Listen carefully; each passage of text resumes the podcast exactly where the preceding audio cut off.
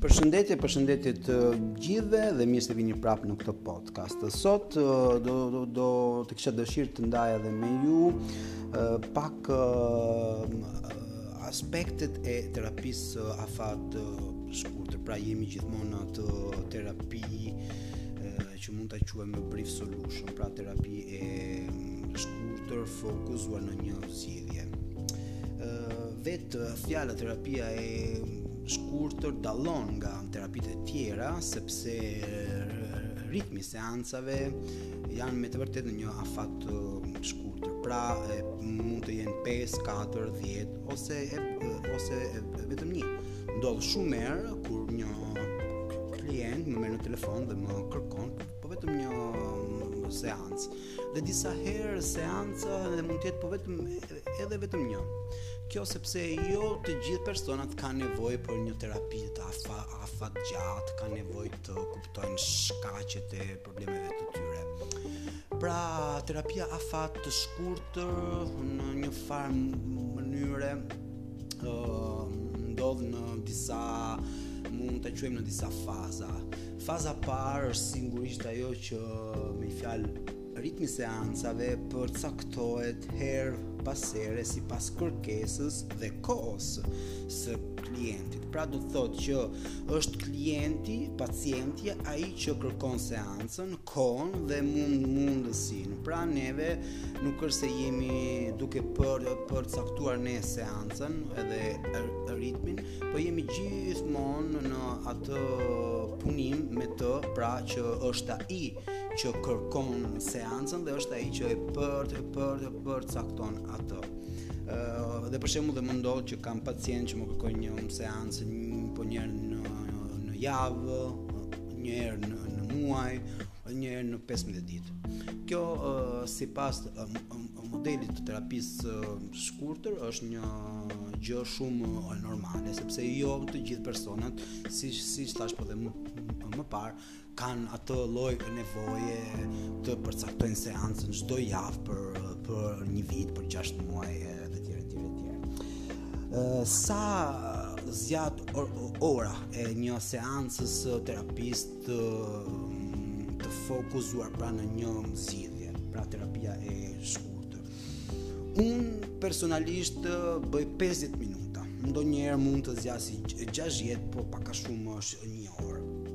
Pra, siç thashë për numri i seancave, në një farë mënyre për për për caktohet edhe nga qëllimi që unë kontraktoj me klientin sepse në në seancën e parë ne me klientin së bashku me të kërkojmë të të me fjalë dimë cili është qëllimi i terapisë, po cili është qëllimi i seancës.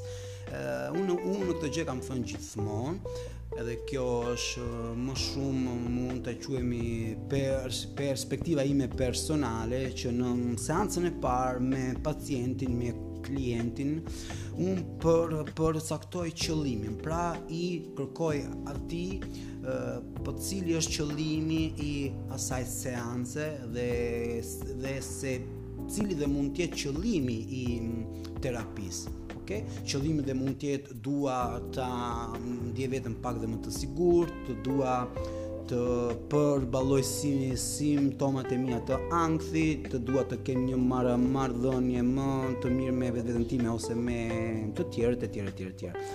Pra në një farë konsulence, është një është, është një farë konsultimi që klienti na kërkon.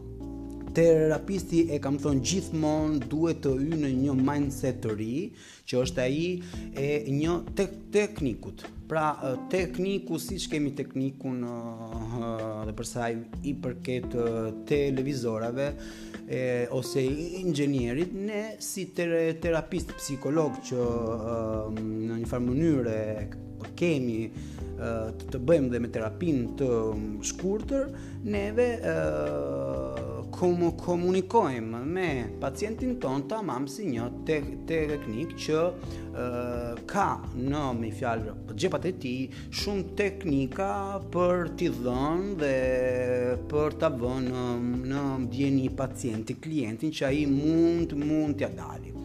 Pra, siç thashë edhe vetë hulumtimet na kanë, na kanë treguar që në 65 dhe 80% të rasteve seancat në terapinë e shkurtër janë 4-5 pak a shumë faktikisht unë pacientëve të mi klientëve të të mi I them gjithmonë që pak a shumë na duhen nga 5 nga 10 seanca, po neve mund të arrijmë rezultatin edhe në seancat e para.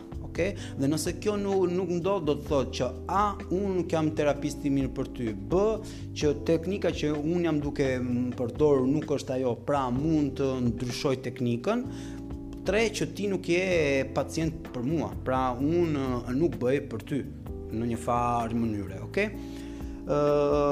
parimi 4 është që pra siç thashë që terapisti jo vetëm duhet të përcaktojë qëllimin e seancës por ai insomma, duhet duhet të në një farë mënyre të komunikojë me, me pacientin me tre pyetje të në mënyrë gjene, gjenerale Tre pyetjet e terapisë së së shkurtër janë kë këto.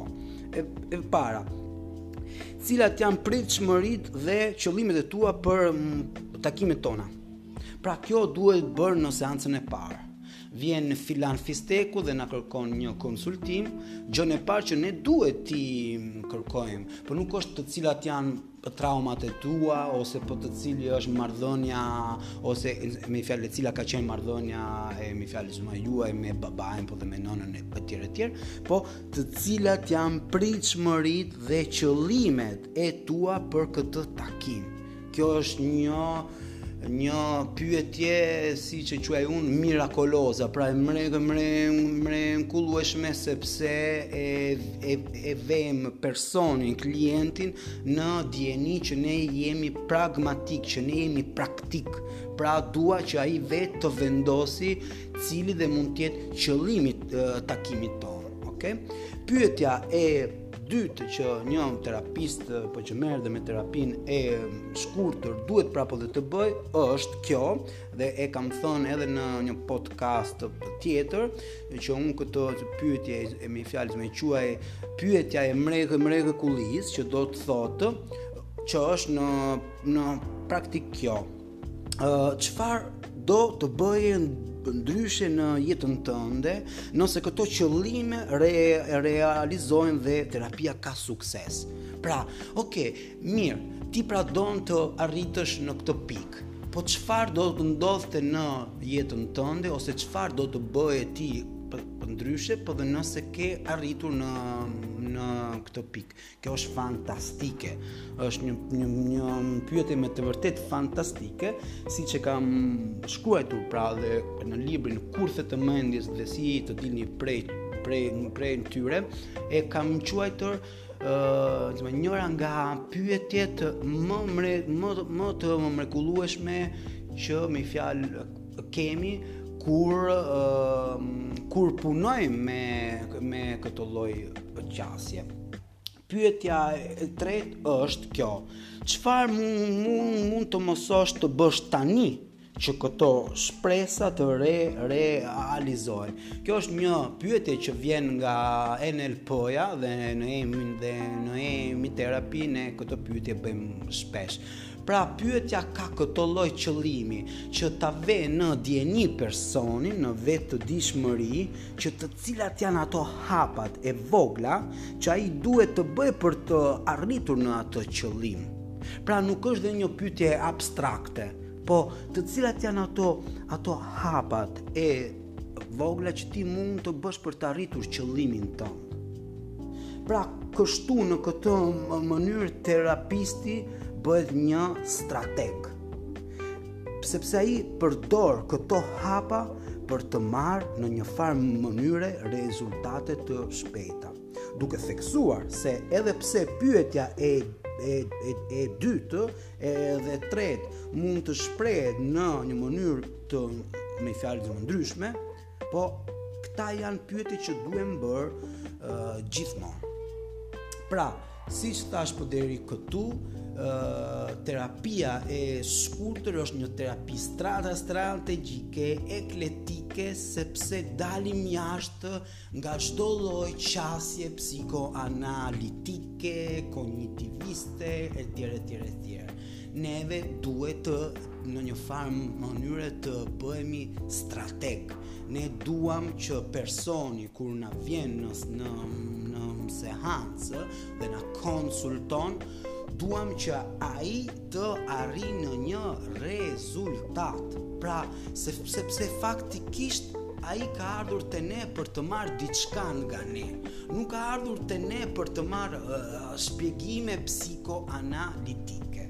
Dhe kjo është një më diçka që unë shikoj sa herë dhe më shumë në seancat e mia dhe në terapitë online që bëjmë shumë mm, shpesh me bashkatdhetarë që ndodhen në Gjermani, Shqipëri, Maqedoni, Kosovë etj etj etj.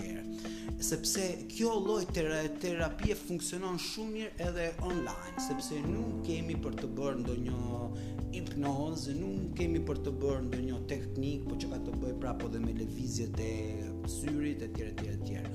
Është me të vërtetë një një me një fjalë qasje që na ndihmon prapë dhe të punojmë edhe online.